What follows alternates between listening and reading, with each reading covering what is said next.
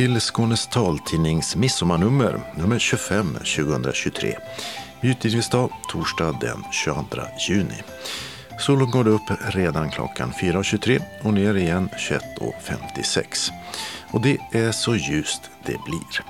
I studion Mats Sundling och Åsa Kjellman Risi. Tekniker är Martin Holmström och det här är innehållet. Vi har försökt och försökt, men det är inte meningsfullt att fortsätta. Synskadades riksförbund slutar driva synskadades rätt till ledsagning i domstol. EUs tillgänglighetsdirektiv kan ge personer med synnedsättning tillgång till mer litteratur om inte den svenska grundlagen lägger hinder i vägen.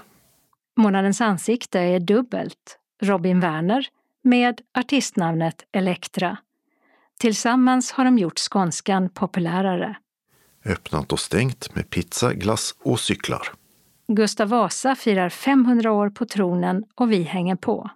Årets midsommartävling har jubilerande kungar som tema. Evenemangstips med pladder, streetfood och tidsresa. Och kalendern med komiker, Kennedy och kungen. Anslagstavlan med meddelanden och ändringar i kollektivtrafiken. Idag delar norra Skåne tavla med mellersta och sydöstra Skåne medan sydvästra Skåne har en egen. Och allra sist redaktionsrutan. Synskadades riksförbund slutar driva överklaganden om ledsagning enligt LSS i domstol. Det har man gjort för medlemmarnas räkning i ett antal år. Men utvecklingen har gått i motsatt riktning. Och nu kommer SRF att jobba för att lagen ska ändras så att fler synskadade ska få rätt igen till ledsagningen. Ja, förbundsstyrelsen beslutade att eh, vi inte längre ska driva ledsagningsfall i domstol. Vi har ju försökt under många år att göra det och vi har drivit ett ganska stort antal fall som när de har överklagats till eh, högsta instans har, har, fått nej. Och då har vår jurist konstaterat att det finns ingen anledning att lägga tid längre på att försöka denna vägen utan nu handlar det om att driva lagförändringsfråga istället. Ja, det där var ju en strategi från SRF att försöka påverka juridiskt, driva fall i domstol så långt det gick. Eh, men här har ni nått vägs ände då med den strategin. Ja, det, det, är väl så vi får konstatera. För vi har ju blivit uppmanande av politiker både i riksdagen och i regeringen under åren att, att driva det juridiskt för att få till ett förtydligande eller en förskjutning utav den vem som ska kunna få ledsagning via LSS. Och vi har ju prövat det nu i ganska många år och eh, det visar sig att domstolarna gör inte den här justeringen utan man har bestämt sig för att synskadade inte tillhör de som kan få ledsagning via LSS. Och eh, nu känner vi väl att ja, det har, vi har försökt så långt det går men alla, i stort sett alla fall som kommunerna överklagar de får då avslag i domstolen så att synskadade inte får ledsagning. Och det är en utveckling som har pågått i många år. För 12 år sedan så var det nästan 2500 personer i Sverige som hade ledsagning enligt LSS som var synskadade. Det har minskat till under 800 förra året. Eh, för den som inte haft ledsagning enligt LSS, vad är det som är så bra med den? Jämfört med ledsagning enligt socialtjänstlagen som gör att ni har kämpat så mycket för den. Ja, man har en mycket större möjlighet att bestämma själv vad man vill använda ledsagningen till och vem som ska vara ledsagare. Och det är dessutom kostnadsfritt enligt LSS, och vilket det inte är självklart att det är enligt socialtjänstlagen utan kommunerna kan i, i den lagstiftningen ta ut timavgift. Förbundsjurist på Synskadades riksförbund är Anna Kvarnström. Delar du den här bedömningen att det inte är meningsfullt att driva fler överklaganden om ledsagning enligt LSS i domstol? Ja, att det inte är meningsfullt är väl att kanske hårdra det lite. För det är klart att för varje människa som eh, vill ha sina goda levnadsvillkor, vill ha rätten till ledsagarservice så är det i viss mån meningsfullt att få saken prövad. Men rent juridiskt har vi uttömt möjligheterna att ge människor rätt till personkrets personkretstillhörighet och därmed insatsen ledsagarservice. Så det är ju lite grann att ingjuta människor i falsk eh, tro, att känna att, liksom att det skulle gå vägen så att säga. Vi har ju uttömt ni har drivit många fall för medlemmars räkning ett antal år. Kan du ge något exempel på vad det är för fall? Ja, den negativa praxisen började ju tillämpas så långt tillbaka till som 2010. Så det har ju varit eh, en fantastisk mängd med ärenden sedan dess och även jag har ju hanterat en, en, en mängd ärenden, tyvärr, eftersom man skulle vilja att det inte behövs. Um, och, och, det är ju människor som är unga, mitt i livet, eh, äldre som av olika skäl behöver stöd i vardagen i form av ledsagarservice. Och där är det ju så att förarbeten och lagstiftningen garanterar dem det i LSS. Men um, en tillämpning nu har kommit att säga att det, det räcker inte med den typen av svårigheter som psykskadade har utan man ska också ha svårigheter med att sköta sin hygien, toalettbestyr och mathållning i hemmet i princip. Och det har ju inte synskadade. Ehm, så det, det leder ju till att människor inte får goda levnadsvillkor och delaktighet i samhället längre. Vad behövs nu då? Alltså, vi har ju eh, uttömt den juridiska vägen för att få en ny ändring i praxis eh, eller få Högsta förvaltningsdomstolen att komma med ett nytt avgörande som skulle kunna återställa lagen till dess egentliga betydelse. Men det som behövs är ju nu en lagändring. Det, det går inte längre att bara hänvisa till domstol utan det här är lagstiftarens ansvar faktiskt. Och man kan ju jämföra lite med eh, hur det ser ut i färdtjänstfrågan. Där fick vi ju för inte så länge sedan en utredning från Trafikanalys som eh, påpekade att det hade skett en rättsutveckling som inte hade stöd i lagen och förarbeten och därför förordade just en lagändring. Och just så är läget också när det gäller ledsagarservice och LSS. Vad hoppas ni på och verkar för nu? Ändring i lagstiftningen? Ja, alltså det är ju inte så att vi har gett upp ledsagning via LSS. Utan tvärtom, vi kommer fortsätta att jobba hårt för att det ska bli självklart igen att synskadade ska kunna få den här typen av insats. För det första så väntar vi på, det kommer en utredning nu som Socialstyrelsen håller på med. Den ska släppas i slutet av juni. Och eh, vi får ju se vad den kommer fram till. Men eh, efter det så kommer vi ju att jobba hårt för att få regeringen att lägga fram ett förslag till riksdagen om att det måste ske en förändring. Hur ser du på de politiska möjligheterna att få igenom det? Jag har träffat alla de politiska partierna i riksdagen nu under våren. Deras funktionshinders politiska talespersoner. Och när vi har pratat om ledsagning så har alla de varit, som jag upplever det, förstående och insett att det är orimligt att synskadade nekas ledsagning. Så jag har en stor förhoppning på att det ska kunna hända något. Men eh, det krävs ju också då att, att det kommer ett förslag från regeringen.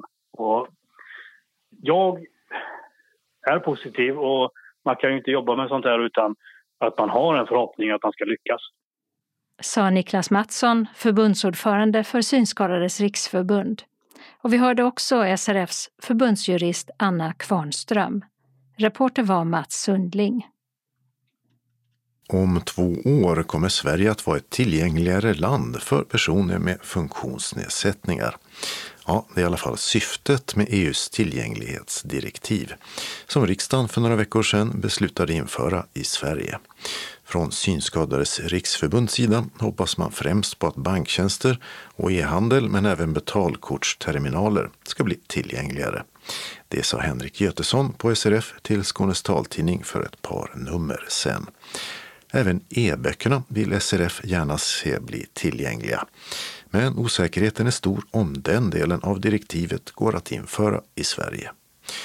På MTM, alltså Myndigheten för tillgängliga medier, samordnar Maria Dietrichson arbetet med tillgänglighetsdirektivet. Och hon säger så här om vad det kan komma att innebära för punktskrifts och talboksläsare. Direktivet innehåller ju många produkter och tjänster men när det gäller läsning så är det e-boken och eh, den här programvaran som man använder för att läsa själva digitala filen i kan man säga. Och det som är syftet med lagen det är ju att det ska finnas mer tillgänglig litteratur som fler kan läsa eh, när lagen väl har trätt i kraft. Så förhoppningsvis så kommer ju läsare av talböcker och punktskrift att påverkas positivt av lagen eftersom kraven möjliggör ju till exempel digital punktskrift eh, i en e-bok, vilket är positivt för dem som föredrar det sättet att läsa punktskrift. Och hur fungerar det då rent praktiskt? Ja, rent praktiskt kan jag nog inte svara på för det är en teknisk lösning men det handlar om att man möjliggör i själva e-boksfilen så att man kan uppfatta eh, filen på flera olika sätt så att e-boken går att ta del av med olika sinnen. Den ska gå att läsa med ögonen, med öronen eller med fingrarna och då handlar det helt enkelt om att den märks upp på ett sätt så att läsaren kan använda sina hjälpmedel för att få tillgång till innehållet. Om man läser den med hörseln, kommer den att skilja sig på något sätt från en ljudbok då? Ja, en ljudbok är ju oftast inläst med mänsklig röst idag. Det finns ju lite olika lösningar, men det är ju den vanligaste varianten att förlaget släpper en ljudbok som bara har en, en ljudfil helt enkelt, som inte är kopplad till texten överhuvudtaget. Du kan liksom inte lyssna och läsa samtidigt. E-boken då som ingår i direktivet, då kommer du kunna lyssna på boken med hjälp av eh, en talsyntes. Och du kommer också då få tillgång till texten som du inte får i, i ljudboken. Men ljudboken ingår ju inte i, i direktivet så att vi är tydliga med det. Men kan det här få någon konsekvens för ljudböckerna, att det blir färre inlästa böcker, alltså mänskligt inlästa böcker, om nu e-böckerna blir tillgängliga? Det är ju en jätteintressant fråga och där spelar ju framförallt liksom utvecklingen av talsyntesen väldigt stor roll. Så jag kan nog inte på rak arm svara på det, men det sker ju en ganska snabb utveckling kring talsyntes idag där de syntetiska rösterna eh, blir allt bättre helt enkelt. Så det är väl fullt möjligt att många ljudboksförlag eh, och andra kommer se det som en möjlighet. Men det tror jag mer är en fråga att ställa till förlagen än till NTM i, i, i dagsläget. Det diskuterades när det här togs i riksdagen om eh, att det här kolliderar med tryck och yttrandefrihetslagstiftningen, att det måste göras utredningar. På vilket sätt? Ja, det där är ju en sak som har dykt upp under utredningens gång av det här direktivet. Och det är så att det finns en bedömning i utredningen, i propositionen då, som säger att lagen troligen inte kan tillämpas fullt ut när det kommer till e-böcker. Och det beror på det här grundlagsskyddet som de flesta e-böcker har genom yttrandefrihetsgrundlagen och tryckfrihetsförordningen.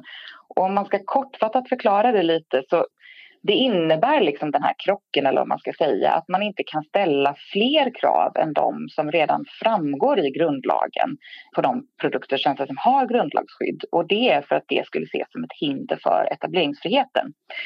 Och eftersom de här tillgänglighetskraven då bedöms inte idag liksom finnas i grundlagen så kan man inte ställa dem, eller det måste i alla fall utredas om man kan ställa dem eller inte. Och då behövs det helt enkelt en grundlagsutredning som då tillsätts av regeringen. Och det har inte kommit ett, ett sådant besked än, men eh, vi gör ingen annan bedömning än vad man har gjort eh, i, i utredningen, utan vi inväntar besked kring utredning och vad den sen kommer fram till, så får vi se. Så det betyder att om det inte var bestämt från början att det här skulle bli en tillgänglig e-bok så bryter det mot eh, tryckfrihetsförordningen? Ja, så kan man nog, utan att jag är jurist, jag kan inte svara på om det skulle vara helt korrekt uttryckt. Men som jag förstår det så måste liksom, för att kunna ställa nya krav på någonting som är grundlagsskyddat så måste grundlagen ha den öppningen från början. Så kan man säga. Och idag är bedömningen att grundlagen inte har en öppning för just eh, de här kraven när det gäller e-boken utan det ses som då ett hinder för etableringsfriheten. Nu ska ju det här tillgänglighetsdirektivet träda i kraft om två år. Kommer man att hinna? Ja, men det får vi väl ändå hoppas att man gör. Det är många sektorer som täcks och det är många krav. Och jag kan inte svara på och, liksom hur, hur förlagen kommer ställa om och så vidare. Men vi hoppas ju att vi också kan hjälpa dem som vill ställa om i tid att göra det och att vi kan finnas här för att guida förlagen och förmedlarna och läsarna så att alla hittar till sin tillgängliga läsning även efter eh, direktivet har trätt i kraft. Men, men om de kommer hinna ställa om, det är nog också en bra fråga att ställa till förlagen själva tror jag. Skulle du säga att det här tillgänglighetsdirektivet innebär stora fördelar för eh, synskadade läsare? Ja, om syftet med lagen och direktivet blir det som man har tänkt, alltså det vill säga att det kommer finnas eh, fler tillgängliga produkter och tjänster i samhället när lagen har trätt i kraft, då är det naturligtvis jättepositivt för hela samhället. Det innebär att vi är ett steg närmare ett mer liksom, universellt utformat samhälle kan man säga. Så utifrån det så skulle jag ju säga att det, det bör det ha en positiv effekt det är ju så med sådana här direktiv och lagstiftningar att eh, en del saker kommer visa sig först när lagen har trätt i kraft och man börjar få lite syn på hur det funkar i verkligheten. Det är ju en sak att skriva fram en lag och ett direktiv på papper och det är en annan sak att se hur det funkar i lagstiftningen. Och det är därför ofta sådana här direktiv revideras så att man har möjlighet att framföra vid en revidering att jo men det här var ju syftet men det blev inte så, det blev så här och då har man möjlighet att göra om. Så man ska ju också se den här processen som i allra högsta grad liksom, eh, möjlig att utveckla. Skulle vi upptäcka att någonting inte funkar eller att några läsare faller mellan stolarna, ja men då finns det en möjlighet att påverka det förhoppningsvis. Och det är ju MTMs uppgift att säkerställa att ingen faller mellan stolarna och att ingen står utan sin läsning oavsett lagen. Tanken är ju att det ska gå att använda samma bankomater, samma e-bokslösning, samma resebokningssystem samtidigt och på samma sätt som för alla i samhället. Så även personer som har någon typ av funktionsnedsättning eller funktionsvariation ska få tillgång till samhället liksom, på lika villkor. Och det måste ju ses som ett stort steg framåt, tänker jag. Alltså, äntligen har en vision om att all läsning i samhället ska vara tillgänglig och det här är ju ett steg på vägen dit, tänker jag sa Maria Dietriksson, strateg på MTM, som samordnar myndighetens arbete med tillgänglighetsdirektivet. Och det är alltså enbart e-böcker som omfattas, inte tryckta böcker eller ljudböcker. Och vi kan tillägga att om en kommande grundlagsändring visar att tryckfrihetsförordningen och yttrandefrihetslagen måste ändras så kan tillgänglighetsdirektivet vad gäller e-böcker inte träda i kraft i juni 2025. Och det beror på att en grundlagsändring måste beslutas av två riksdagar med ett val emellan. Reporter var Birgitta Fredén. Hon pratar bred malmöitiska och klär sig gärna glittrigt och urringat. Hans skånska är inte lika bred, men bägge har de varit med i tv nyligen och kanske gjort mer än någon annan på länge för den skånska dialekten. Och bägge unnar de sig saker och ting. Månadens ansikte sitter i dubbel version på Robin Werner från Höllviken och hans dragshow-alter ego Elektra, känd från tv-programmet Drag Race Sverige. Men vi börjar med en helt annan skånsk underhållare. På utflykt till bokskogen Malmöbon glor till raden av strålande fönster på Torup att smaka på kaka som bakats på spett dig ber hennes nådfria rinnan kujett där rådjuren Författaren Maria Maunsbach har utnämnt dig till Sveriges nya Edvard Persson. Vad, vad, tycker du om det? Nej, men alltså, jag, när jag läste det så blev jag så otroligt eh, chockad och smickrad. Det, det är ju helt galet liksom att det jämförs på det viset. Men jag tackar och tar emot. Jag har ju förstått att, eh, att det här numret då, eller den här låten har, liksom, har gått rakt in på olika sätt hos människor med hela unna dig. Det kanske var rätt i tiden, det kanske var kombinationen och budskapet eller statement eller liksom det visuella i det som blev bara ett, eh, jag vet inte, ett fenomen liksom.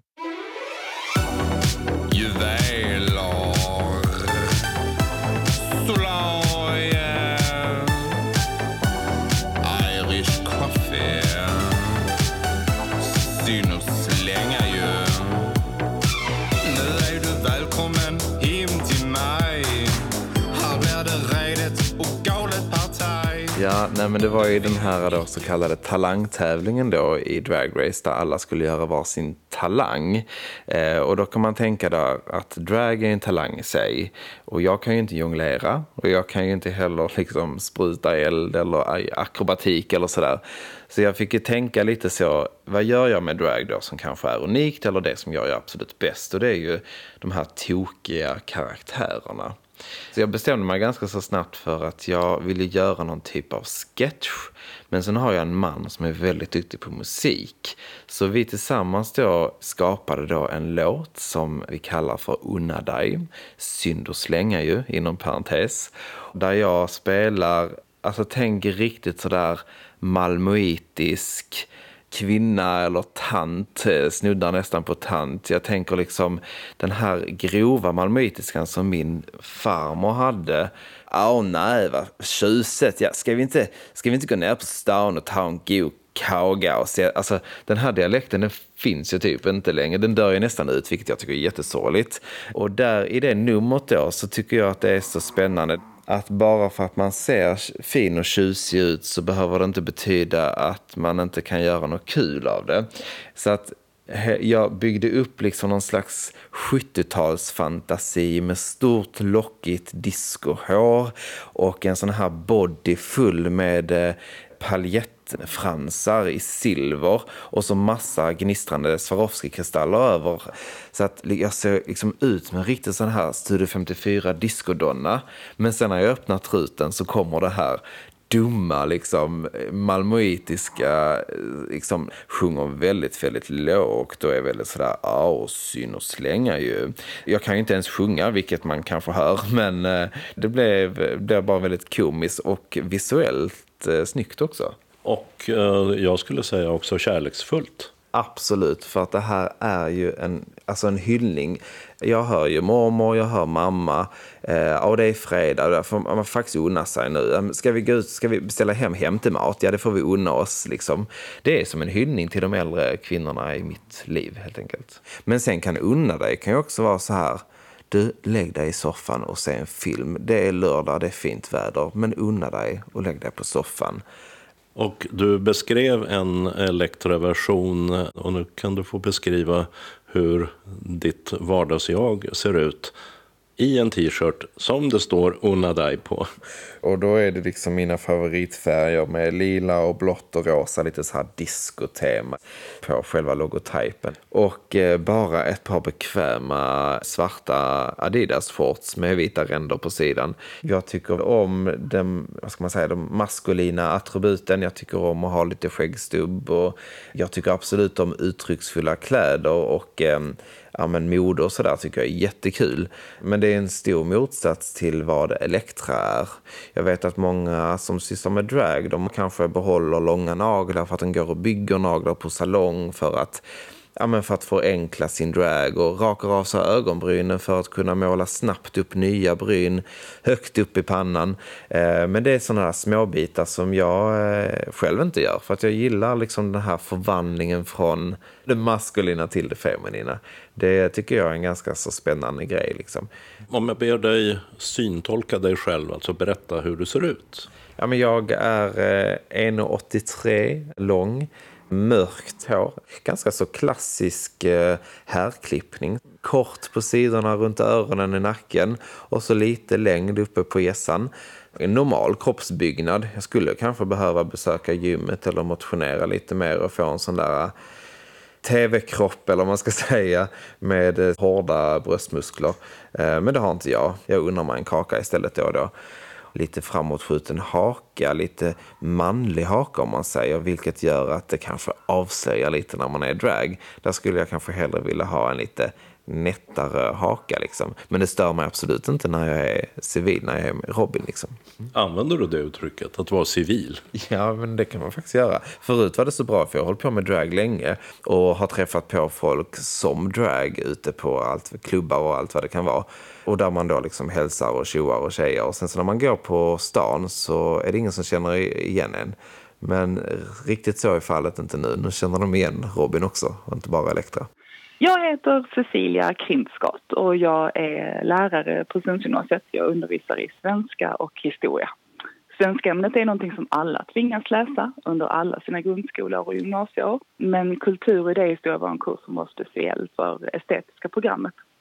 Och när vi pratade om bilder, om konst, om renässansmåleri så hände det någonting. Framför allt att Robin tyckte att det här med färg och form, att nu äntligen så var det någonting annat än bara text. Och det var väldigt eh, roligt. Vad var det som hände då som du såg? Det här kreativa som man såg eh, redan då när han stod på scen i sina teater och dansämnen till exempel. Det här kreativa med färg och form, att titta på eh, bilder på Venus födelse från renässansen till exempel till eh, att prata om hur kvinnligt och manligt framställs i måleri till exempel. Så vi hade jättebra och roliga samtal. Var dragshow redan aktuellt på den tiden? De eh, hade ju en del föreställningar och både teater och dans. Och jag vill minnas att eh, Robin för första gången på Sundsgymnasiets scen stod i drag. En eh, rätt så komisk kvinna. Och det var ju faktiskt första gången jag såg det på skolan. Han var först. Är det så att han skulle kunna komma och showa på Sundsgymnasiet? Alltså det hade jag ju tyckt varit jätteroligt, så jag säger ja. Gud vad roligt, Cecilia. Ja, hon var ju klassförståndare också på oss. Vad minns du av det här som hon säger? Att, att det hände någonting under just lektioner som hade med bild och form och, och sånt att göra? Jag kommer ihåg att det var med nöd och näppe i grundskolan att jag klarade av eh, grundämnena och att jag liksom ja, men fick hoppa upp en klass och fick gå vidare och att jag kom in på estetiska programmet, det var ju drömmen. Men det visade sig först i gymnasiet när man började då studera i dans och teater och lite mer bild och så, där jag fick högsta betyg i alla de ämnena och lite sådär lagom på svenska matte och så, precis att jag klarade av det. Drag Race-programmet bygger på ett amerikanskt tv-format, RuPaul's Drag Race, där deltagarna bedöms av en jury när de får olika uppgifter som när Robin presenterade sitt Unadai-nummer eller att tillverka en snygg kostym med hjälp av gammalt skräp eller mima till en känd låt. Och däremellan klipps samtal från sminklås och syverkstad in. Som här när Robin ställer en fråga till de andra medan hårfönen surrar. Har ni varit med om så här, eh, liksom, ja, men så här riktigt svåra motgångar liksom, för att man gör drag eller för att man är drag? Vad menar du? Alltså typ har liksom blivit jag vet jag, misshandlad eller... I programmet så förekommer det ju faktiskt en hel del svärt första, eh, ni är väldigt glammiga och tjusiga men sen sitter ni och snackar och så kom det väldigt svarta och jobbiga historier om uppväxten. Men du berättade ingen sån historia. Finns den inte eller kom den inte med? Jag har haft en fantastiskt fin uppväxt. Jag har stöttande föräldrar. Min mamma tog med mig på After Dark första gången jag var tio år gammal eh, och blev liksom presenterad för dragshow precis så som många andra i, i Sverige har blivit. Vi har haft dragshow på Sveriges Television sedan 76 och jag är jätteglad att jag fick ta del av det liksom i, i tidig ålder. Jag har ett stadigt förhållande sedan snart 20 år tillbaka med min man Jonny som är min största stöttepelare och hejar klack till min drag. Han utövar ju drag själv. Så att jag har en enorm trygghet och känner mig väldigt trygg med var jag kommer ifrån och vad jag gör och eh, liksom vad min drag är. Men det var ju otroligt mycket viktiga och ja, mörka historier som delades i Drag Race. Vi fick ju utbilda på så många olika plan, inte bara inom konstformen drag utan också vad som kan hända i eh, folks liv. Liksom. Eh, I alla fall som det var framklippt i eh, tv-serien så verkade det som att du blev en stöttande figur för dem när de berättade att man såg ditt ansikte och hur du lyssnar och reagerar och speglade dig som person.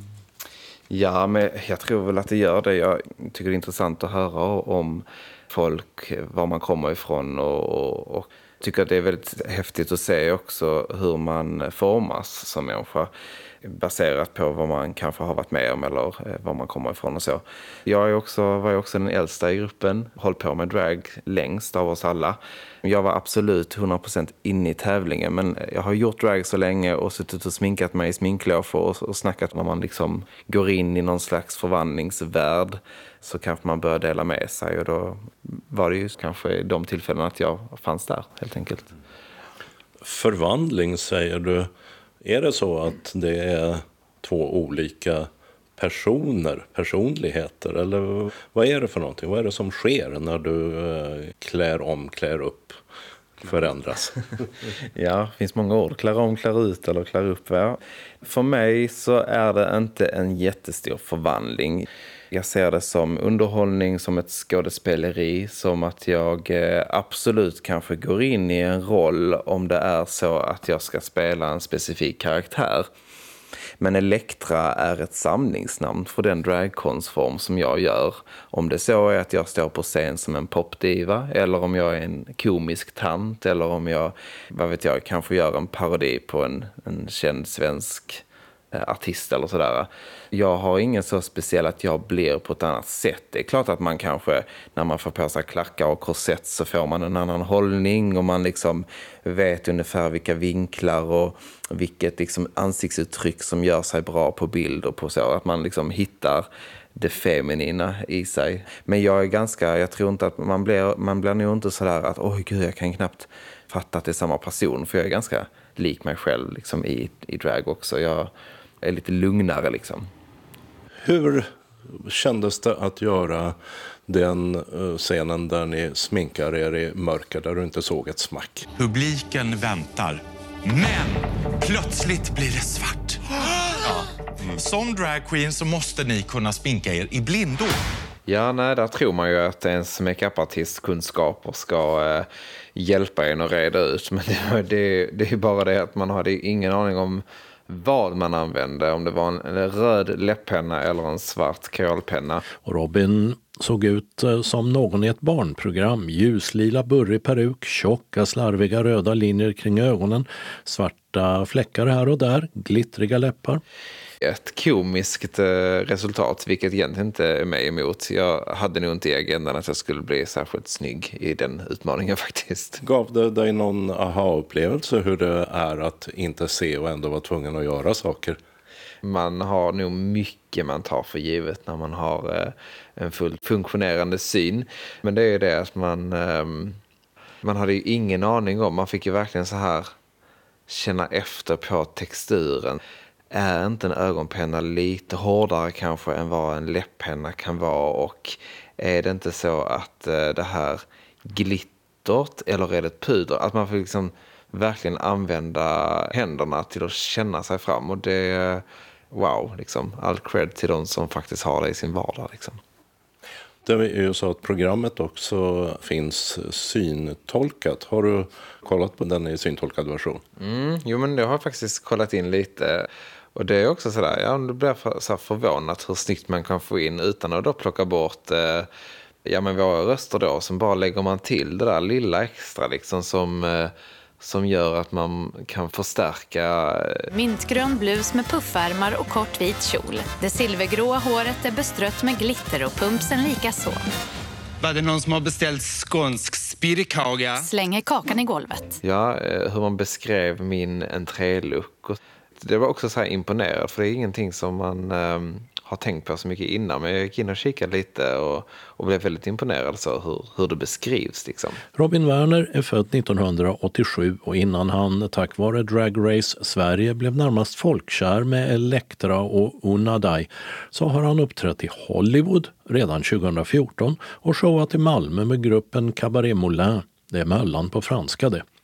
Han var med på After Darks sista turné med Christer Lindarw och har nu fått ett skivkontrakt med ett internationellt bolag vilket ska följas av ytterligare lanseringar. Ja, jag trodde aldrig att det skulle bli eh, så här. Men jag, jag, jag tänker att jag rider på vågen och så får vi se var vi, var vi landar. Liksom. Vad skulle du gjort i, i livet om det inte alls hade blivit scen och, och show?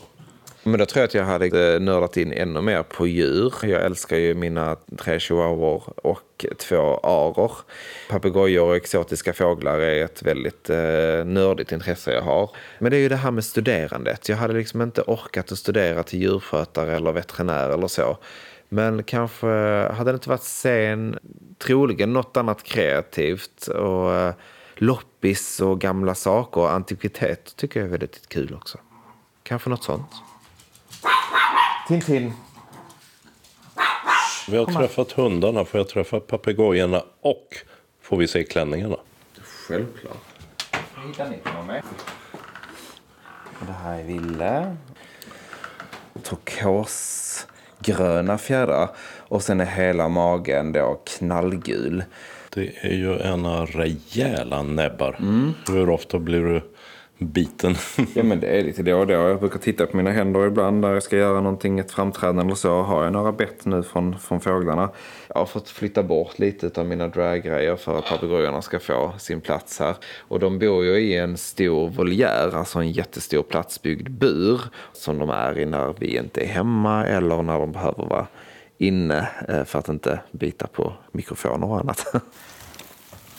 Oj, rakt in ja. mellan paljetterna.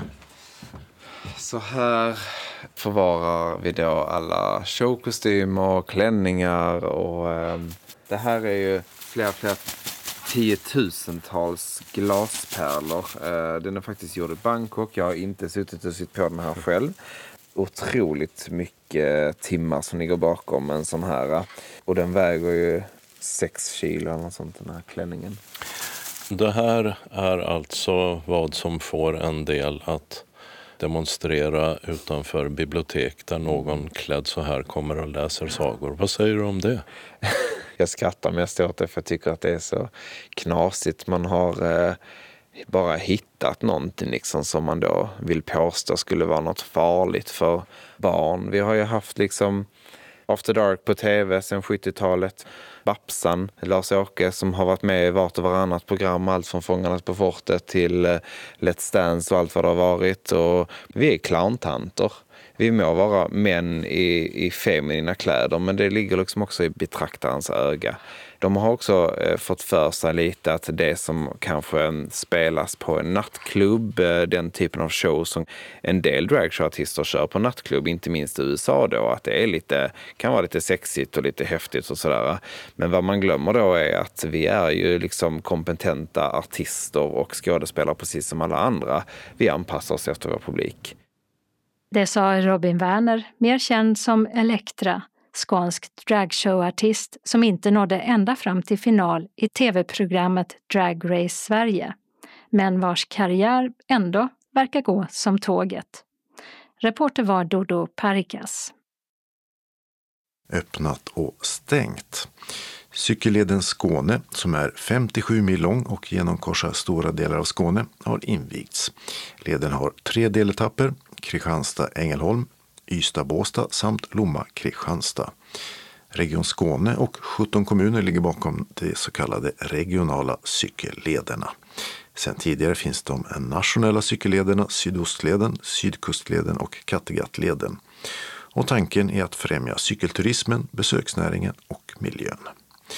Och I Helsingborg har ett stort cykelgarage invigts framför Helsingborg C, som tidigare hette Knutpunkten. I Ängelholm har pizzerian Tiramisu öppnat i passagen på Storgatan 48. I lokalen där den nu stängda asiatiska restaurangen Chai Hong legat i många år.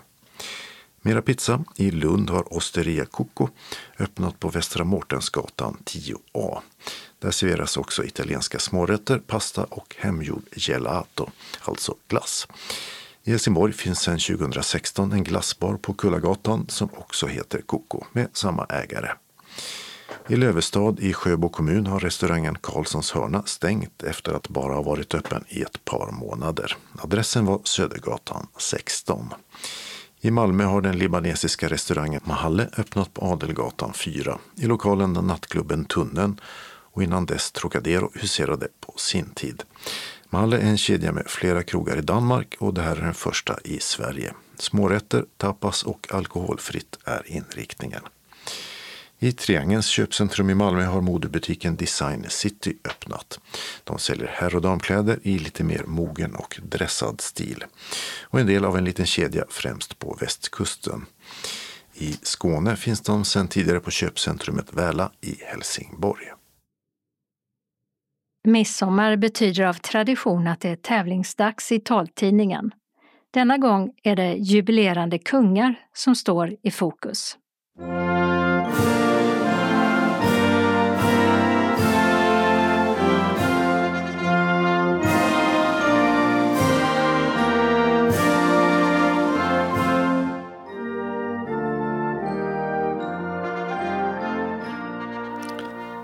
Det är i år 500 år sedan Gustav Vasa blev utsedd till kung på riksdagen i Strängnäs den 6 juni 1523.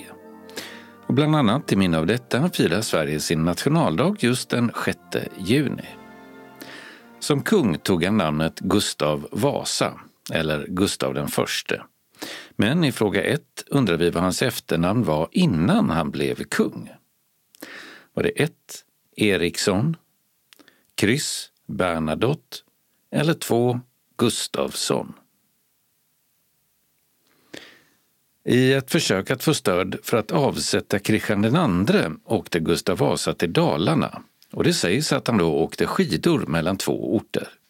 Och till minne av detta åks numera Vasaloppet mellan just dessa två orter den första söndagen i mars.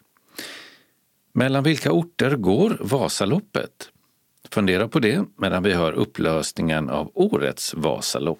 Och nu är han inne på upploppet. Nu är det 50 meter kvar. Här kommer Emil Persson, men Nygård utmanar. Kommer närmare, men vinnaren heter Emil Persson. Han bryter den långa... I år blev det alltså svensk seger genom Emil Persson. Fråga 2. Går Vasaloppet mellan 1. Sälen och Falun, kryss Sälen och Mora eller 2. Falun och Mora? I och med att Gustav Vasa blev kung så splittrades den så kallade Kalmarunionen. Fråga 3. Vilka länder ingick i denna union? Var det 1. Sverige, Danmark, Tyskland? Kryss Sverige, Norge, Polen? Eller 2. Sverige, Norge, Danmark? Gustav Vasa gjorde Sverige till ett så kallat arvrike där kungens äldste son skulle ärva kronan. Gustav Vasa fick sammanlagt elva barn, men vad hette hans äldste son som alltså blev kung efter honom? Det är fråga fyra. Hette han 1. Erik den fjortonde, kryss Karl den tolfte eller 2. Gustav den tredje? En annan kungajubilar är vår nuvarande kung Karl XVI Gustav som i år firar 50 år på tronen.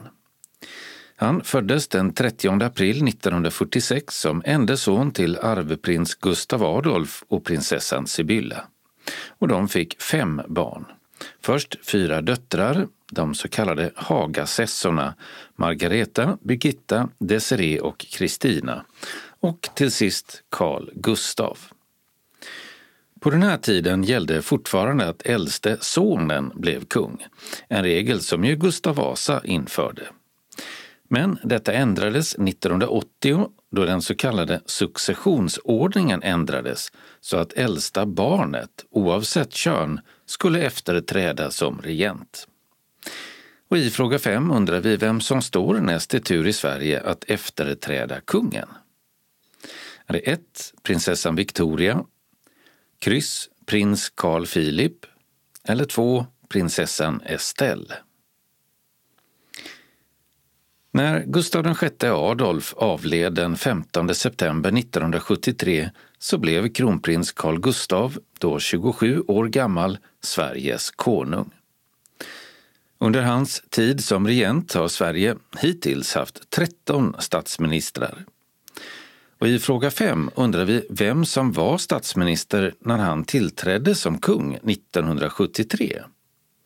Vi hör här den dåvarande statsministern inleda en extra konselj där kungen avlade sin konungaförsäkran. Ers Majestät, riksmarskalken har till mig överlämnat dödsbevis.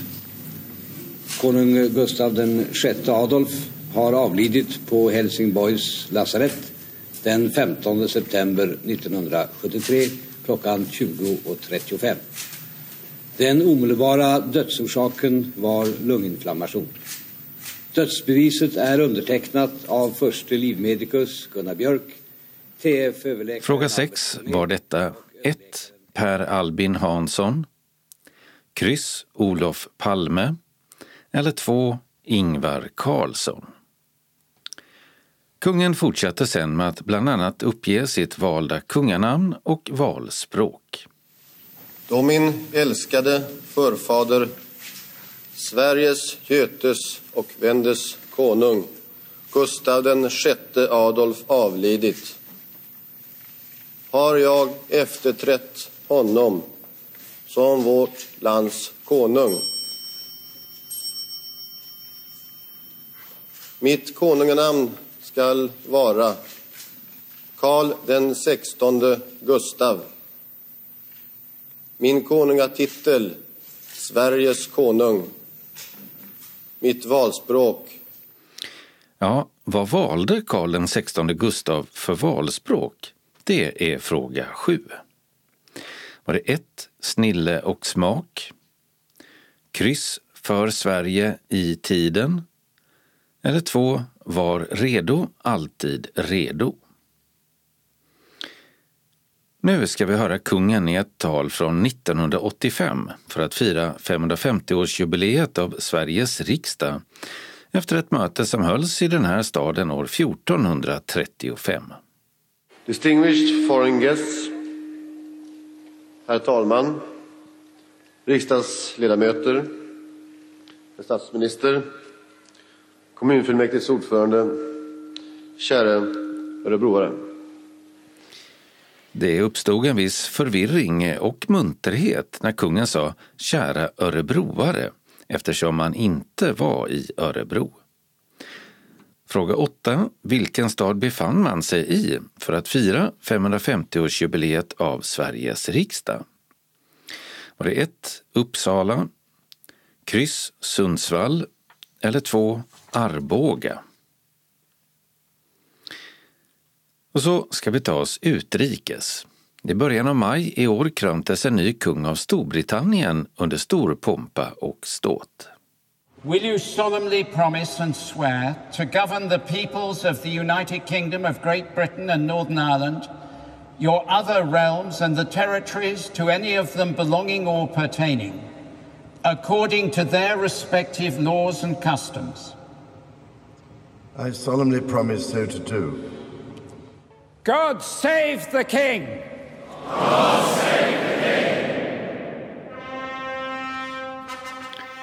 Prins Charles efterträdde sin mor, drottning Elisabeth II, som regent och notan för kröningen sägs ha blivit långt över en miljard kronor.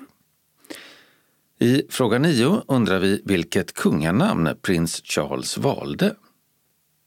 Var det 1. Charles den förste, kryss Charles den andre eller 2. Charles den tredje? Den här kröningen ägde rum i en av Storbritanniens mest kända katedraler där alla kröningar i England och Storbritannien hållits ända sedan Wilhelm erövrarens kröning år 1066, alltså för snart tusen år sedan. Även kungliga bröllop och begravningar brukar hållas här. Fråga 10. Vad heter katedralen? Heter den 1. Notre Dame, kryss Westminster Abbey eller 2. Winchester Cathedral? Det var tio frågor om aktuella kungar. Som vanligt finns det fina priser att vinna. Första pris är, förutom den stora äran, en valfri musik-CD eller ljudbok i normalprisklassen. Andra pris, som vi lottar ut bland alla som skickat in, oavsett antal rätt, får också en valfri musik-CD eller ljudbok i normalprisklassen. Som tredje pris får man en mugg eller t-shirt med taltidningens stiliga logga på. Svaren behöver vi få in senast fredag den 30 juni och kontaktuppgifter finns i redaktionsrutan sist i tidningen. Tävlingsredaktör var Martin Holmström. Evenemangstipsen börjar med syntolkad film. Filmen Andra människors barn, som tidigare haft syntolkning och uppläst text för bio, har nu även fått syntolkning och uppläst text för tv, dvd och vod. Filmen handlar om Rachel som är 40 år och inte har barn. Hon inleder ett förhållande med Ali, vars fyraåriga dotter hon fäster sig djupt vid. På Kulturen i Lund tar man med publiken på en lekfull tidsresa genom tre olika århundraden och fokuserar på hur trender och mode har format och modellerat våra kroppar efter rådande skönhetsideal. Familjeföreställningen har premiär den 27 juni och det är kulturens pedagoger som levandegör historia i museiparken. Några av dem man får träffa är ett fåfängt syskonpar som följer 1770-talets trender från Paris. En fru från 1800-talet som är noga med krinolinens vidd. Även 1970-talets platåskor spelar roll i denna lekfulla tidsresa som spelas tisdag till fredag från den 27 juni till den 14 juli med start klockan 13 och klockan 14.30. Platsen är Kulturen, Teknersplatsen 6 och föreställningen passar barn från 7 år. Biljetterna bokas via Kulturens hemsida eller av Biletto.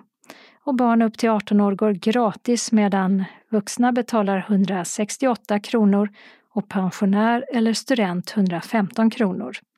Även inträde till Kulturen ingår i det här biljettpriset.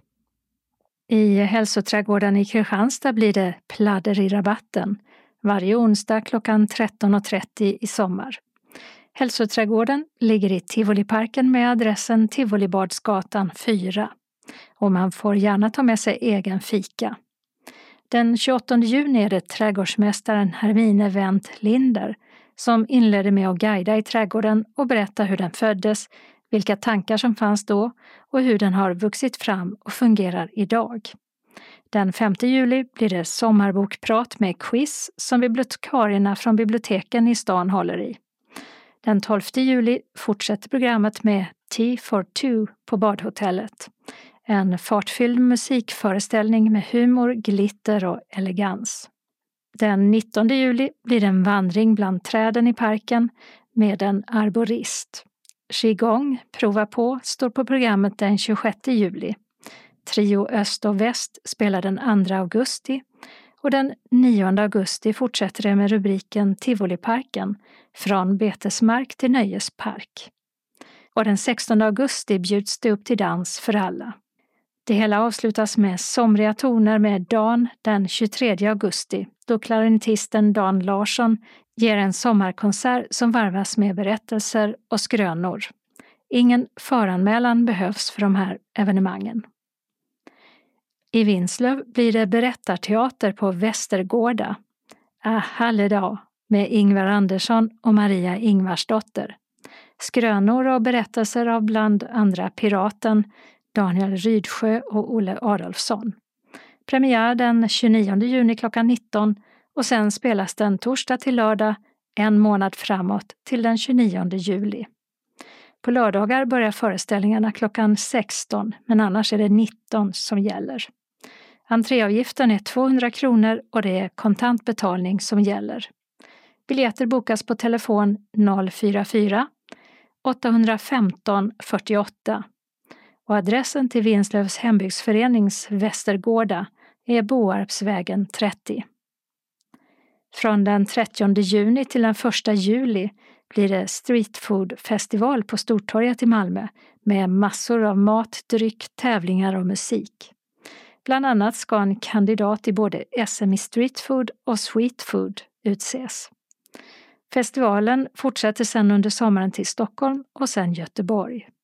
Från 11 på förmiddagen till 23 på kvällen är festivalen i Malmö öppen och det är fri entré. Historiedetektiverna är en vandrande teaterföreställning i Simrishamn som spelas den 2, 9, 16, 23 och 30 juli samt den 6 augusti klockan 11 till 12.30 och utgår från Tullhusstranden. Medverkar gör skådespelaren och manusförfattaren Boel Marie Larsson och Lena Alebo som gör skådespelardebut. Med utgångspunkt i gammal och ny kunskap om staden tas publiken genom stadens gator och berättelser från medeltiden och fram till idag får nytt liv i fem akter. Biljetterna kostar 200 kronor per person. En familjebiljett för två vuxna och två barn kostar 400 kronor. Annars kostar en barnbiljett 50 kronor. Sövde amfiteater har två stora konserter under sommaren. Den 2 juli kommer Donna and the Dynamos och uppträder klockan 19. Biljetterna kostar 390 kronor plus en serviceavgift på 30 kronor. Tixter säljer biljetterna till denna konsert med trion från originaluppsättningen av Mamma Mia bestående av Gunilla Backman, Susie Eriksson och Charlotte Strandberg. Förband är Rockabilly Fabulous. Och den 13 juli håller Thomas Stenström konsert med början klockan 20. Biljetterna kostar 520 kronor plus serviceavgift på 30 kronor. Även här är det Tixter som säljer och Sövde amfiteater har adress Sövdeborgsvägen 29 till 17 i Sövde.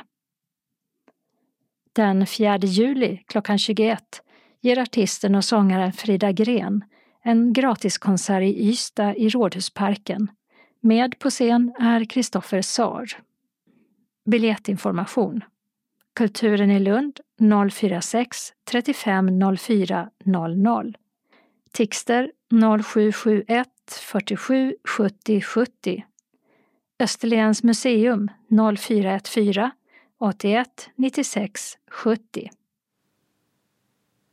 Kalendern vecka 26 börjar med måndagen den 26 juni då Rakel och Lea har namnsdag. I riksdagen är det interpellationsdebatt där riksdagsledamöterna ställer frågor till ministrarna.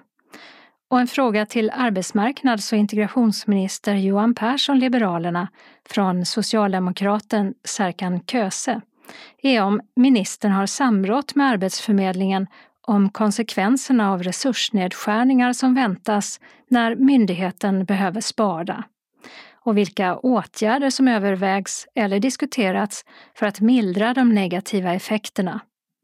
Vill man följa denna och andra debatter så direktsänds de via riksdagens webb-tv från klockan 11.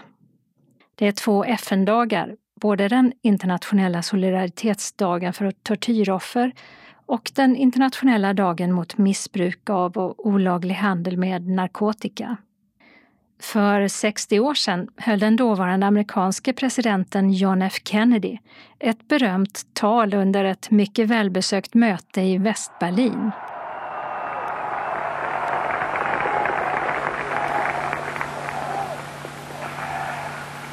Two thousand years ago, two thousand years ago, the proudest boast was Civis Romanus Sum.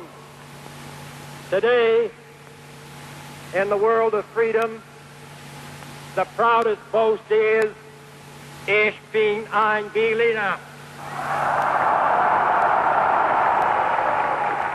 Och med det här talet och de berömda orden Ich bin ein Berliner visade John F Kennedy att de allierade inte tänkt överge Västberlin som då låg omgärdat av det kommunistiskt styrda Östtyskland.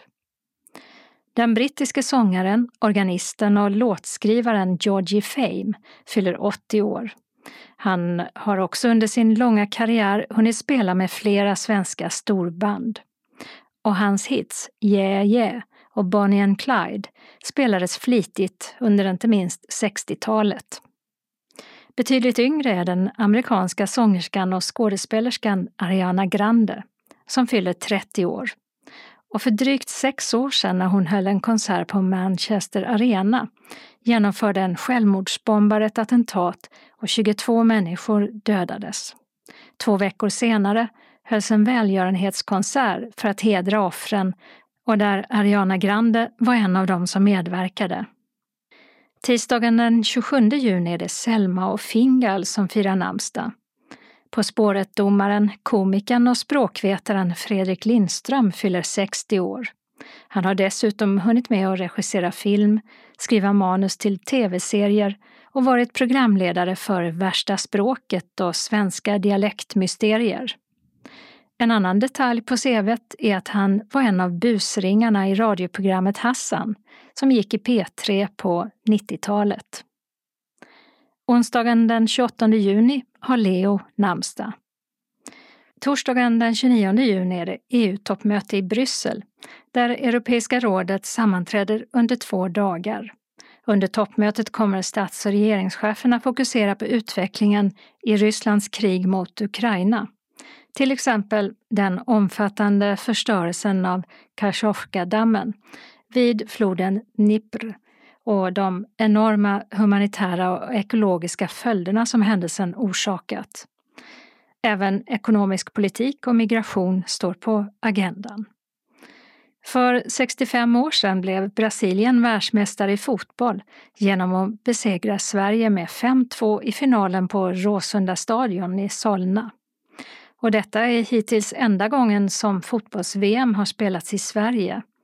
Och det svenska silvret är den bästa svenska placeringen i herrfotbolls-VM någonsin. Och att mästerskapet spelades i Sverige och att det gick så bra för hemmalaget det sägs ha gjort att det blev ett stort uppsving för försäljningen av tv-apparater. Peter och Petra har namnsdag. Fredagen den 30 juni är dagens namn Elof och Leif. Kungen och drottningen besöker en högtidsgudstjänst i Lunds domkyrka med anledning av domkyrkans 900-årsjubileum. Hårdrocksgitarristen Yngwie Malmsten fyller 60 år. Och det är 70 år sedan barnboksförfattaren och illustratören Elsa Beskow avled. Tomtebobana, Putte i blåbärsskogen och flera böcker om tant Grön, tant Brun och tant Gredelin är bara några av alla hennes sagoböcker som generationer av barn läst, lyssnat på och bläddrat i. Lördagen den 1 juli firar Aron och Miriam namnsdag. Och det är också dagen då Sverige, efter att i ett halvår varit ordförandeland i EU, lämnar över till Spanien. Och i arbetet ingår att under den sex månaders period som ordförandeskapet varar leda möten på alla nivåer i rådet. I Frankrike börjar cykeltävlingen Tour de France och håller på till den 23 juli. Den första etappen är 18,2 mil lång och körs i trakterna av Bilbao. För 260 år sedan, eller närmare bestämt 1863, inleddes den blodigaste drabbningen i amerikanska inbördeskriget i Gettysburg i Pennsylvania. Slaget vid Gettysburg mellan en nordstatsarmé och en sydstatsarmé varade till den 3 juli och flera tusen döda i respektive armé blev en vändpunkt i kriget som nordstatssidan vann. Och för 130 år sedan invigdes järnvägen Saltsjöbanan mellan Slussen i Stockholm och den då nybyggda förorten Saltsjöbaden. Och 1913 blev banan en av de första i Sverige som elektrifierades. Från början slutade den dock några hundra meter från Slussen och först 1935, i samband med byggandet av trafikplatsen där, drogs banan ända fram. Men för närvarande så är Saltsjöbanan avstängd eftersom den rustas upp och är ersatt med buss under hela det här året. Söndagen den 2 juli har Rosa och Rosita namnsdag. Friidrottstävlingen Diamond League kommer till Stockholm och tävlingarna avgörs på Stockholms stadion. Den colombianska politikern, antikorruptionskämpen och förra presidentkandidaten Ingrid Betancourt blev för 15 år sedan tillsammans med 14 andra i gisslan fritagna av colombianska säkerhetsstyrkor ur den fångenskap hos Farkerillan där hon hade suttit i över sex år. Den regionala delen av anslagstavlan har inbjudningar från SRF Skåne. Först till en helg den 18 till 20 augusti där du kan komma igång med ditt golfspelande. Vi kommer att träna och spela på Degeberga Vittskövle Golfklubb där Måns Lundberg håller i träningen. Vi bor i fyrbäddsstugor i Degeberga stugby, några kilometer från klubben. Frukost och lunch anordnas på plats. Resor mellan boendet och klubben ordnas av SRF. Då middagarna bekostas av varje deltagare bestämmer vi själva hur vi gör med kvällsmaten. I stugbyn finns möjlighet till grillning. Synskadade har förtur till golfhelgen. Mer erfarna spelare får vara med i mån av plats. Har du inte egna klubbor finns klubbor att låna. Kostnad 500 kronor per person. Vänta med inbetalningen tills du fått bekräftelsen så du vet att du kommer med. Du kan betala till Bankgiro 484-0989 eller swisha 123 312 62 99. Glöm inte att skriva ditt namn och golfläger. Vill du ha inbetalningsavi så säg till när du anmäler dig. Anmälan är öppen till den 29 juni på SRF Skånes telefon 040-777 75 eller e-post skane srf.nu. Vi behöver veta din synstatus för att kunna beräkna antal medhjälpare och eventuella matallergier. Har du möjlighet att ta med egen medhjälpare så är det positivt. Denne betalar ingen avgift. SRF Skåne står för reskostnaderna efter kvitton inkommit senast tre månader efteråt samt endast inom Skåne. Bor du utanför så betalar SRF Skåne endast för kostnaden från länsgränsen. Och vid annat färdsätt än färdtjänst eller kollektivtrafik måste godkännande från aktivitetsansvarig finnas. Bekräftelse skickas ut efter sista anmälningsdag och vid frågor ring Jonny Ekström 0739 09 39 45. Varmt välkomna önskar arbetsgruppen Sport och hälsa. I år fyller Synskadades riksförbund SRF Skåne 100 år och det vill vi fira tillsammans med alla er medlemmar. Lördagen den 4 november blir en stor jubileumsfest på Malmö Live.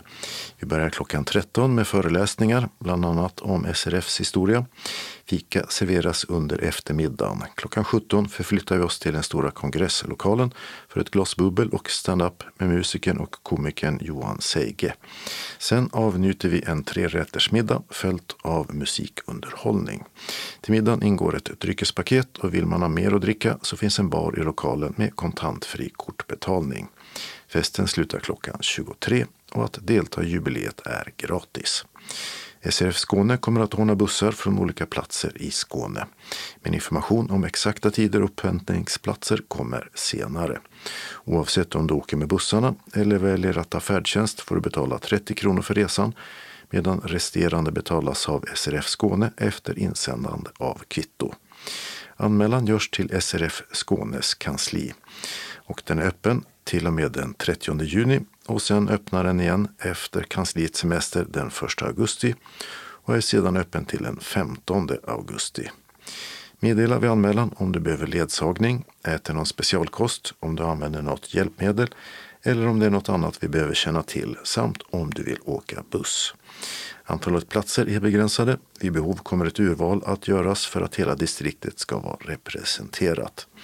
Du kan avanmäla dig utan kostnad fram till den 25 september. Efter detta datum får du betala en avgift på 500 kronor. Om du har med dig någon anhörig eller egen ledsagare måste den personen också vara medlem i någon av SRF Skånes lokalföreningar. Undantaget är ledsagare som anlitas och får arvode från distriktet. Bekräftelse skickas ut efter sommaren. Varmt välkomna att fira SRF Skåne med oss. Vi passar också på att önska er alla en trevlig sommar. Hälsar SRF Skånes styrelse och jubileumsgrupp. Vi avslutar den regionala tavlan med en ändring i den regionala kollektivtrafiken och det gäller tågen. Ett större banarbete gör att Pågatågen som kör mellan Malmö och Helsingborg via Teckomatorp ställs in mellan Eslöv och Helsingborg. Detta från måndag den 26 juni klockan 00.00 ända till och med 27 augusti. Bussar ska ersätta via alla mellanstationer. Anslagstavlan för sydvästra Skåne har ett antal inbjudningar från SRF Malmö Svedala. Först till sin dagverksamhet. Måndag den 26 maj klockan 13 till 15 träffas vi och umgås med fika och diskuterar aktuella nyheter samt läser lite ur tidskrifter. Ibland hinner vi även med frågesport. Tisdag den 27 maj klockan 13 till 15.15 15 blir det bingo och fika. Vi serverar kaffe och smörgås eller kaka för 10 kronor. Och man anmäler sig till kansliet om man tänker komma senast klockan 10 samma dag. SRF Malmö Svedala hälsar sen välkommen till grillkväll på Öresundsfunkis för detta handikappbadet lördag den 1 juli klockan 18. Vi äter och dricker gott, umgås och har det trevligt. På grillen finns kött och vegetariskt alternativ. Du tar själv med dig vad du vill dricka, glas och bestick. Medlemmar betalar 150 kronor via bankgiro 192 9645 eller med swish till 123 077 80 50 senast onsdag den 28 juni. Övriga betalar 200 kronor. Skriv ditt namn och vilken aktivitet det gäller. Anmäl dig till kansliet, telefon 040-25 05 40 eller mejla till info srfmalmo.se senast måndag den 26 juni. Glöm inte att meddela vad du vill äta och om du behöver inbetalningskort. Behöver man komma i kontakt med någon under lördagen så kan man ringa Maj-Britt Ryman 070-324 6609 eller Mikael Werngren 076 191 0466. Som vanligt stannar någon av oss kvar tills sista färdtjänstbilen kommit. Du blir aldrig lämnad ensam. Välkomna hälsar styrelsen. SRF Malmö Svedala inbjuder också till några programpunkter i samarbete med Malmö Sommarscen. Alltid med fri entré och under bar himmel. Torsdag den 6 juli klockan 19-20 gestaltas Malmöförfattaren Marie Anderssons texter genom högläsning och musik av skådespelaren Birte Heribertsson och musikern Thomas Teller Jönsson på Sankt Pauli kyrkogård på adressen Nobelvägen 123. Onsdag 12 juli klockan 19-20 uppträdde sångerskan Marie Bergman med Lasse Englund på Pildamsteatern på John Erikssons väg 43 i Malmö. Reserverade platser på första raden passar bäst för rullstolar och rullatorer. Torsdag 13 juli klockan 19-20 läser Marie Maunsbach ur sina Malmöbaserade romaner Bara roligt och hit men inte längre. Det sker på Falsterboplan eller Jesusparken, Nobelvägen 5. Pianisten Thomas Telle Jönsson tolkar litteraturen musikaliskt. Torsdag 20 juli klockan 19 till 19.40 spelar cellisten Åsa Gärstad ett specialskrivet ljudverk med inspiration av både myter, vetenskapliga fakta och sinnebilder kring månen. Detta sker i Rönholmsparken på Nordlindsväg 86. Till alla de programpunkterna är det samling mellan 17.45 och 18.00. Fredag 21 juli klockan 22 visas Lukas Moodyssons film Fucking Åmål på Linnéplatsen vid den höga Pegasusstatyn i Slottsparken intill den stora dammen. Adress Kung Oscars väg. Handling. Agnes är ensammast i hela världen. Hon är så förälskad i en viss person att hjärtat nästan går sönder. Längd en timme och 29 minuter. Men först visas 13 minuter långa kortfilmen Real om Robert och Viktor som är 15 år och bästa vänner. Sakta förstår vi att det finns mer än vänskap mellan dem. Lördag 22 juli visas spelfilmen Koda om en hörande dotter till döva föräldrar. Detta i Rönneholmsparken på Nordlindsväg 86. Före filmen blir ett samtal i samarbete med Malmö Dövas förening om representation och vilka som får synas på filmduken. Samtalet börjar 21.30, filmen visas 22.00. Och alla filmerna syntolkas. Syntolkningen nås via appen Movie Talk. Ta med sitt underlag och gärna egen picknickkorg. Till filmerna kanske biogodis istället. Glöm inte att ta med vatten. En sommarvärd från Malmö sommarscen och ledsagare från SRF Malmö Svedala möter upp på adresserna. Och som vanligt stannar någon av oss kvar tills alla bilar kommit. Anmäl dig till kansliet senast måndag 3 juli utom för Marie Andersson-kvällen som har 26 juni som sista anmälningsdag. Glöm inte att meddela vid anmälan om du behöver ledsagning. Har du frågor eller behöver avboka när kansliet inte är öppet så kan du ringa 070-324 6609. Hjärtligt välkomna hälsar styrelsen. SRF Malmö Svedala hälsar också välkommen till lunch på Borgeby slott. Fredag den 11 augusti klockan 12 till 16. Slottet ligger i Lomma kommun vid Löddeå. Och det sjuder av liv i en unik miljö där de historiska vingslagen gör sig påminda. Restaurangens goda luncher drar gäster från när och fjärran. Ni kan botanisera i de olika butikerna, boka tid hos frisören eller bli förevigade av fotografen. I Slottslogen firas det bröllop inramad av parkens inbjudande grönska. Föreningen bjuder på lunchen. Vi vet ännu inte vad som kommer att serveras. Berätta om du är behov av särskild kost eller om du behöver ledsagare under dagen. Vi kommer att bli serverade vid borden. Du betalar din resa själv. Anmäl dig snarast till kansliet, dock senast torsdag den 6 juli. Säg till vid anmälan om du inte har färdtjänst så när vi med samåkning. Du bokar din resa till Borgeby slott på adressen Borgeby slottsväg 13 i Bjärred för att vara framme klockan 12. Hemresan beställer du till klockan 16. Och någon av oss stannar som vanligt kvar. Behöver du komma i kontakt med någon den 11 augusti, ring Maj-Britt. Vi ses på slottet, hälsar SRF Malmö Svedalas styrelse. SRF Malmö Svedala bjuder in dig till en konsertkväll på Malmö Arena fredag den 27 oktober klockan 19.30. Vi träffas utanför huvudentrén klockan 18 och adressen är Hyllie stationsplan 2. Amazing Classics är en föreställning där klassisk musik möter en spektakulär scenshow.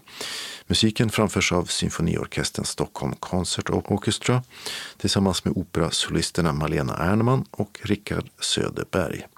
På scen medverkar även en stor kör, Malmö Petri sångare samt flera akrobater och dansare. Hela 120 personer på scen. En musikalisk resa med luftakrobatik, pyroteknik och ljusdesign. Hur lång konserten är vet vi ännu inte. Vi har ett begränsat antal biljetter. Priset är 895 kronor. Ledsagare går kostnadsfritt. Anmäl dig snarast till kansliet och senast torsdag den 6 juli. Din anmälan är bindande efter detta datum. Berätta om du behöver ledsagning eller inbetalningskort.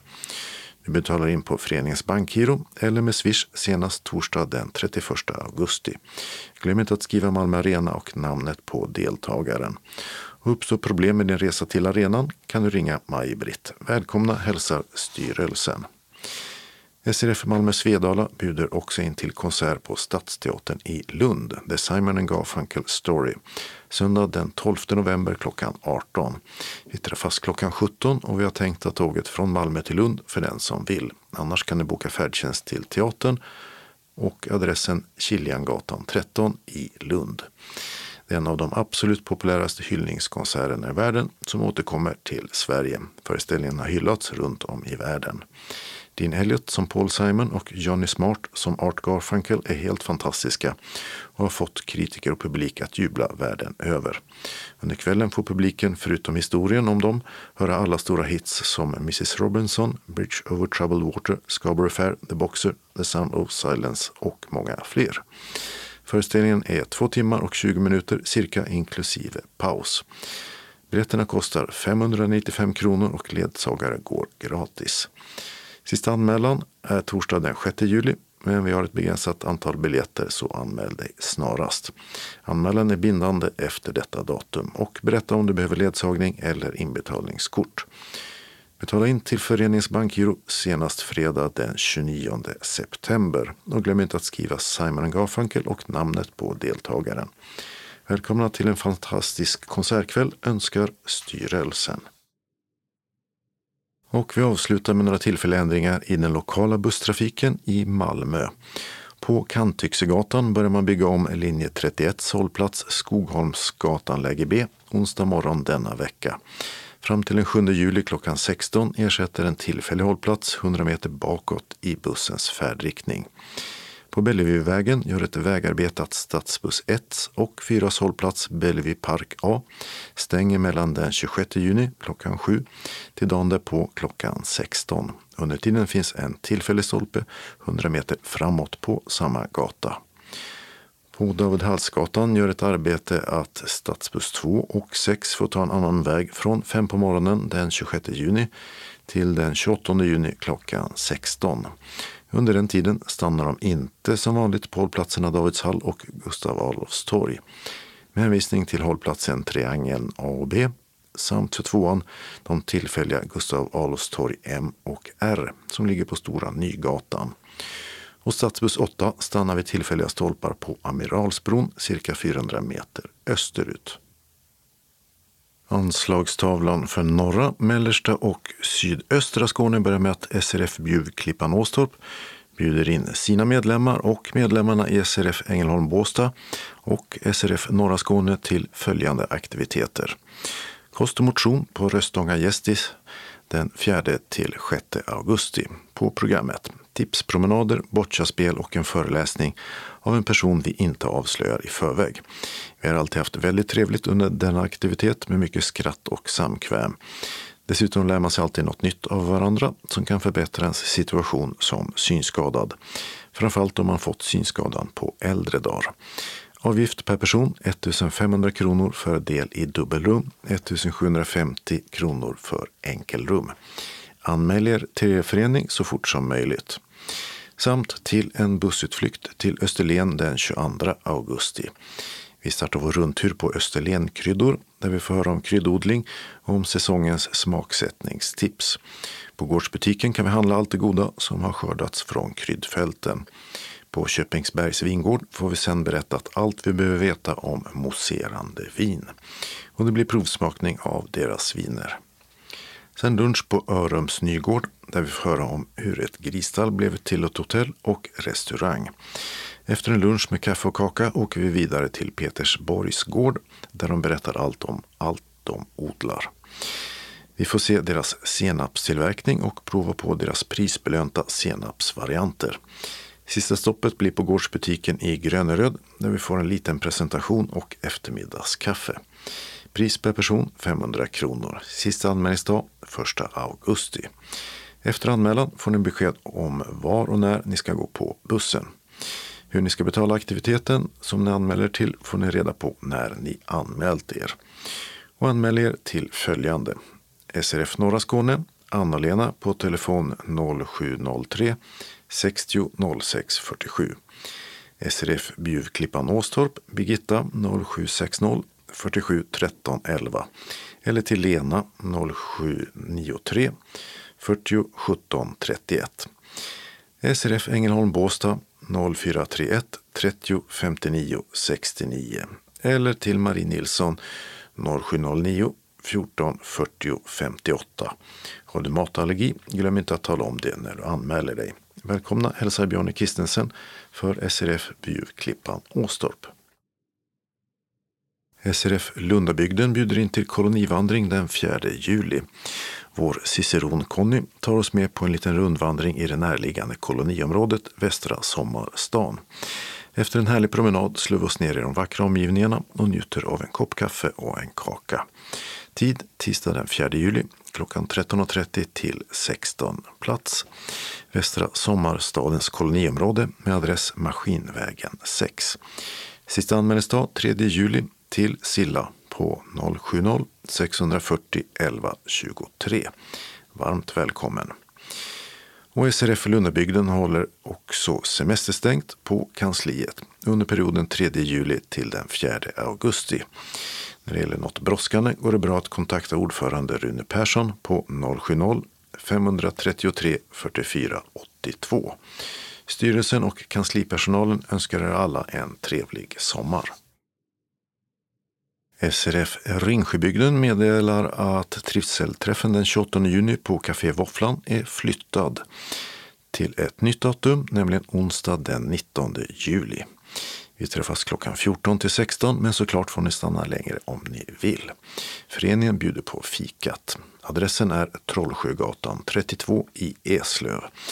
Anmäl dig till Birgitta senast den 12 juli på telefon 0413 54 13 33 eller 070 55 03 261. Och vi avslutar med en liten ändring i den lokala busstrafiken.